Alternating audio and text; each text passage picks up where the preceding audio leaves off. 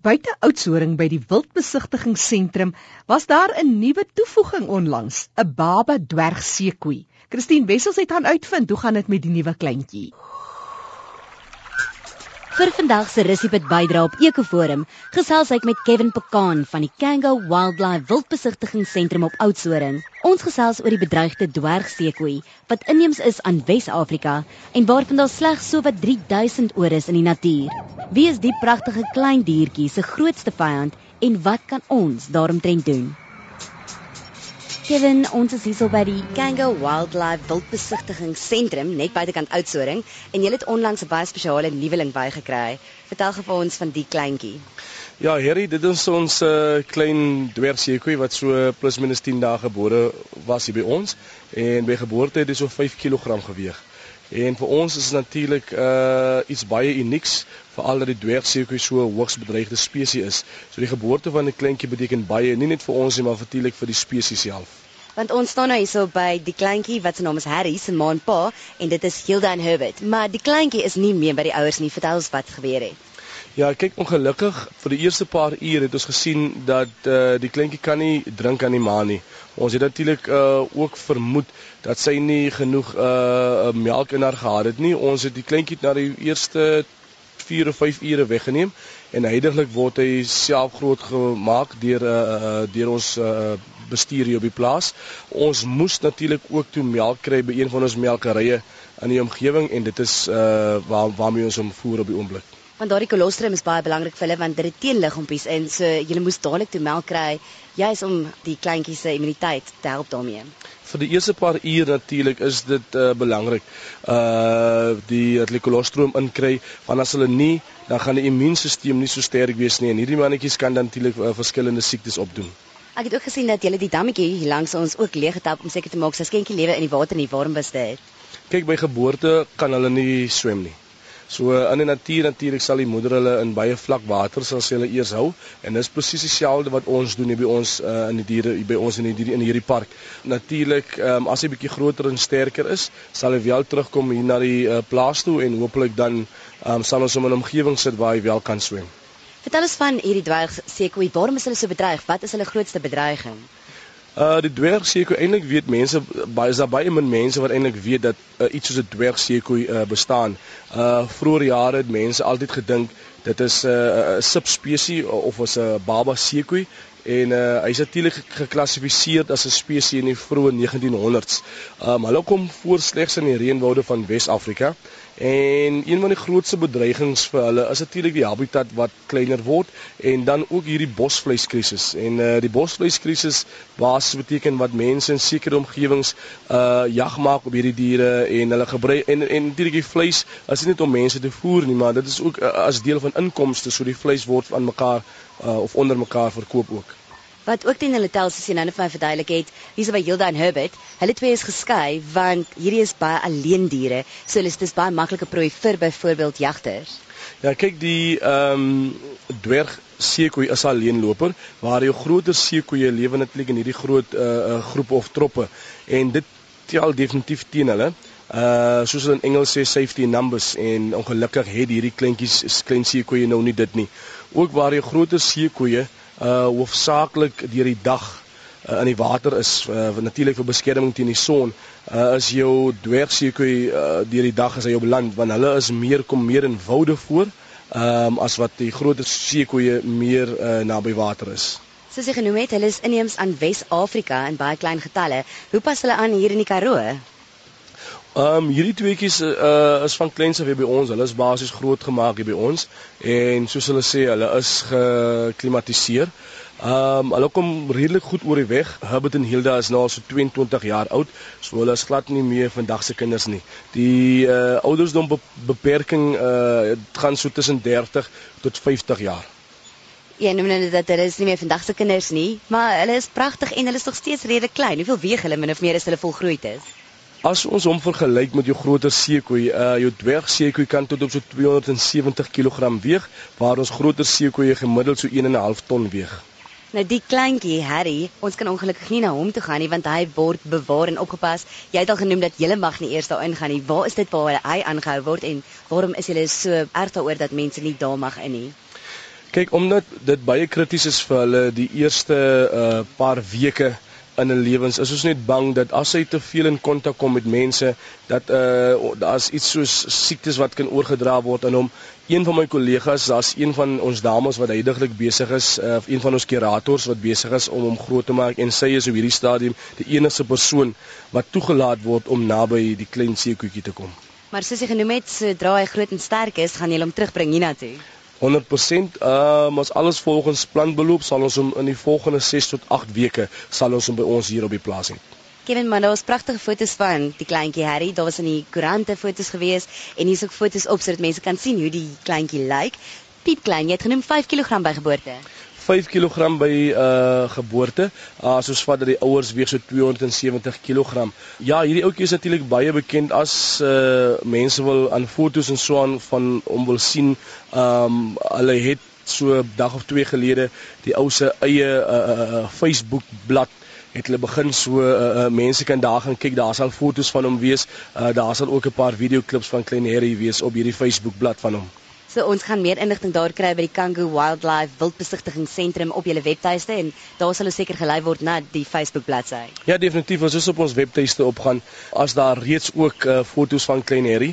Ehm um, daar is ook so ek sê daar's klein 'n uh, uh, video snip uh oor die ouetjie, maar meeste van ons inligting sal op ons webtuiste wees. Soos jy genoem het, na raming is daar slegs 3000 van hulle oor in die natuur. Wat kan gedoen word? Hoe gaan ons hierdie spesies bewaar voor dit uitsterf? Wat sou jy sê? Ek sal sê dat uh uh bekendmakings uh veldtogte as ons meer en meer mense net kan bewus maak van hoe 'n bedreigde spesies hierdie is en natuurlik opvoed uh, as ons meer en meer mense kan opvoed. Die voordeel wat ons hier het as dit ons kry uh jaarlik duisende mense wat dit deurgaan en, en ons doel is natuurlik om die boodskap by die mense te kry en en en net dat mense besef dat hoe meer en meer habitat hierdie diere verloor, hoe kleiner is die kans dat hulle sal sal oorleef. So ons grootste doel wat heidaglik is net om mense te opvoed, mense uh, uh, die kennis te gee oor hierdie klein dwergseekoeie. Mense is baie van hierdie diere se grootste bedreiging. As jy kyk na ander diere ook wat jy ook het, groot probleem, daar is nie meer natuurlike habitat vir baie van hierdie spesies oor nie. Ja kyk, dit is maar soos dit gaan met elke van ons verskillende uh, spesies. Ons weet ook natuurlik die jagluiperd in Afrika is ook 'n bedreigde spesies en, en en sodra die habitat kleiner word, laat ons hierdie diere met geen keuse om in direkte konflik te kom met ons as mense nie. En wat natuurlik beteken dat hulle gaan tweede kom as dit om konflik is tussen diere en mense of hulle op jou landerye kom of hulle maak jag op jou skape of of bokke, sal hulle definitief tweede kom. Ek hoor Hilda's besig om borrels te blaas hier onder die water. Sy les wel op op haar sy kan dwergseekoeie asemhaal onder water. Nee, hulle het longe, maar hierdie ouens kan gemiddeld van so 5 minute lank onder water bly sonder om asem te haal. Kan hulle swem of stap hulle op die bodem? As maar net soos jou gewone seekoe, hierdie manne stap ook maar op die bodem. Ek het nog nie gesien dat een van hulle of Hilda swem hier by ons nie. So hulle dryf ook nie. Hulle is kleiner as gewone seekoe, maar hulle is nie klein genoeg om te dryf nie. Hulle stap. Ja, nee definitief hulle as mense na hulle sal kom kyk, Herbert is nou bietjie besig om te beweeg onder die water en mense kan definitief sien dat hy hy dryf nie, hy is besig om te stap daar aan die onderkant.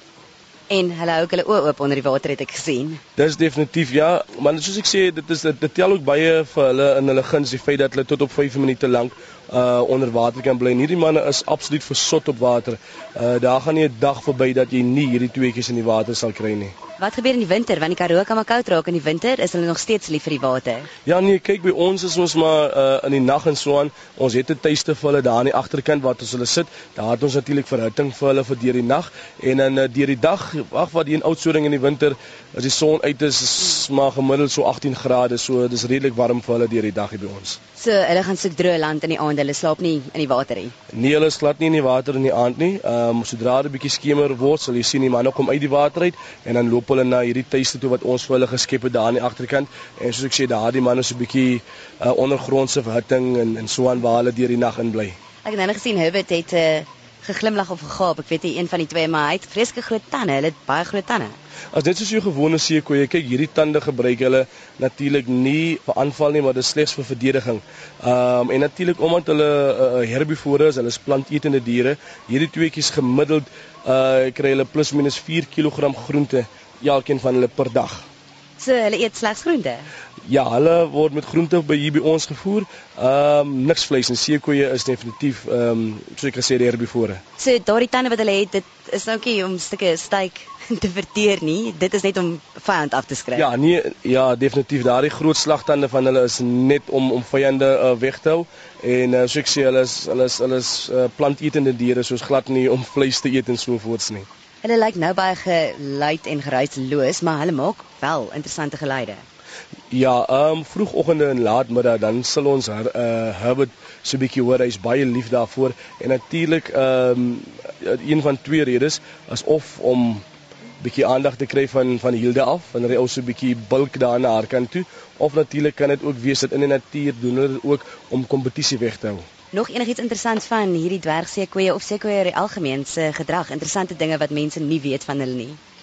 Ja, as ek as ek as ek vir julle kan sê dat ehm um, jou dwergseekoei uh, as ek vroeër gesê het is maar geklassifiseer as 'n spesies in die uh, vroeë 1900s so uh, ek sal sê in 1911 as hulle geklassifiseer as 'n spesies uh so 4 of 5 jaar gelede uh, was daar wetenskaplikes vanaf die uh, dieretuin daar in Londen in Engeland en hierdie manne het vir 2 jaar lank gaan navorsing doen in Wes-Afrika En na 2 jaar het die manne teruggegaan na Londen toe met absoluut niks. Hulle kon nie een van hierdie klein seekoetjies in die natuur vind nie. Wat hulle wel gevind het, is die bene en die skedel so uh daar is natuurlik bewyse dat hulle word gejag en geslag deur mense, maar om hulle self in die natuur te sien om om navorsing op hierdie diere te doen is is, is natuurlik baie moeilik.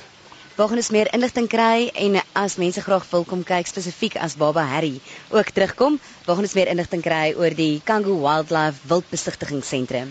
Uh definitief, oh, hulle kan na ons toe kom hier op Oudtshoorn. Ehm um, ons is so so wat 3 km in die noorde van Oudtshoorn op pad na die Kango grotte toe. Aan die linkerkant sal ons uh, waar hy verbyry, sal die groot krokodil kaak gesien ook natuurlik op die internet ons uh, webtuiste uh, waar mense kan inligting kry. En ja ek sien uit daarna om meer mense by ons te kom kry. En soos ek sê aan die volgende 6 tot 8 weke sal klein prins Harry definitief by ons wees. Hoe kan vernoem na Prins Harry? Ja, dit is die idee gewees uh, waar ons voor 'n dag gekom het om hom Prins Harry te noem na die uh, prins van Wales daar in in uh, in Engeland of daar Groot-Brittanje omdat Harry uh, die prins van Wales uit 'n groot liefde vir vir wilde lewe, hy het ook 'n groot liefde vir Afrika en ons hoop net uh, dat ons prins Harry gaan ook 'n ambassadeur wees vir bedreigde spesies, nie net vir die seekoeie nie, maar vir alle bedreigde spesies reg oor die wêreld. En gaan like Harry die klein dwerg seekoei se Facebookblad. Kevin, hier is nie net dwergseekoei nie, hier's 'n klomp verskillende ander diere ook. Net om 'n paar te noem, mense kan natuurlik ook saam met julle krokodille kom ja. swem. Maar nie saam met hulle swem nie, jy's in 'n hok. Ja, ons het dit so 'n paar jaar gelede begin die uh, krokodil duik en dit is uh, uh baie bekend en is is, is een van die gunstelinge van ons besoekers, veral onder die jongspan. Ek het so 'n tydjie terug, so 4, 5 maande gelede, dit 'n dame ingeneem en uh, dis nie net die jongspan wat dit geniet nie. Hierdie dame was 82 jaar oud en sy het saam met die krokodille in die hok geswem hier by ons. So nog 'n paar ander diere hier langs ons is daar 'n klein tipe otter byvoorbeeld, net 'n paar van die ander dierspesies wat jy het en is baie van die spesies ook bedreig. Gemiddeld het ons so wat 70 spesies uh diere hier uh op die Kango wildplaas waarvan 'n uh, meerderheid van hulle is uh bedreigde spesies soos byvoorbeeld uh ons weet van die klein dwergseekoei ons uh, bewaringsprojek met ons jagluiper het begin uh in 1988 en sedertdien het ons so wat 250 jagluiperde al aangeteel hier by ons op Oudtshoorn. En die twee wat jou dophou met groot oë, hulle los jy nie uit nie. Waarheen jy stap, swem hulle agterna. Wie is hulle en wat is hulle? Ja, hier doen ons natuurlik die twee klein ehm um, ottertjies en ehm um, ek is verantwoordelik om hierdie manne te voer. So hulle sal my nou nie uitlos totdat ek ietsie vir hulle sal kry nie, maar hulle moet maar geduldig wees. Hulle sal so in die volgende 30 tot 45 minute sal hulle ge eers gevoer word. Dit beteken ongelooflik wees om in die oggende op te staan en hiernatoe te kom. Ja, alhoewel jy sommige kere uh die selfbeheersing is maar moet maar baie sterk wees want uh daar's maar 'n dun lyn. Jy moet sodra jy jy moet nie vergeet dat hulle wilde diere is nie en en mens maak so vinnig die fout om te dink dat hulle sou 'n klein troeteldiertjie daar by die huis wat hulle nie is nie. Uh inteendeel uh mens moet respek hê vir wat hulle is. Dit is 'n wilde dier, maar ongelukkig raak jy lief vir hierdie diere en uh as jy nie lief was as ek nie lief was vir hierdie diere nie, sou ek nie hierdie werk gedoen het nie. Is dit ook vir julle belangrik om hulle te sien as wilde diere en ten minste moontlik dat daar nie te veel interaksie is met mense wat byvoorbeeld aan hierdie diere raak nie. Ja, kyk ons het 'n uh, paar projekte waar ons mense toelaat om in ons jagluipere te raak om so uh, naas moontlik aan hulle te kom, maar ons het ook 'n teelsentrum. Dis is so uh, byna 90 hektaar grond waar ons plus minus 20 wilde jagluipere het. So daar kom geen mense nie, daar's geen kontak aan hierdie diere nie wat moontlik wel kan teruggeplaas word in die natuur op 'n latere stadium. Die stem daarvan Kevin Pikan, hy is van die Kangal Wildlife Wildbesigtigingsentrum buite Oudtshoorn. Christine Wessels het met hom gesels.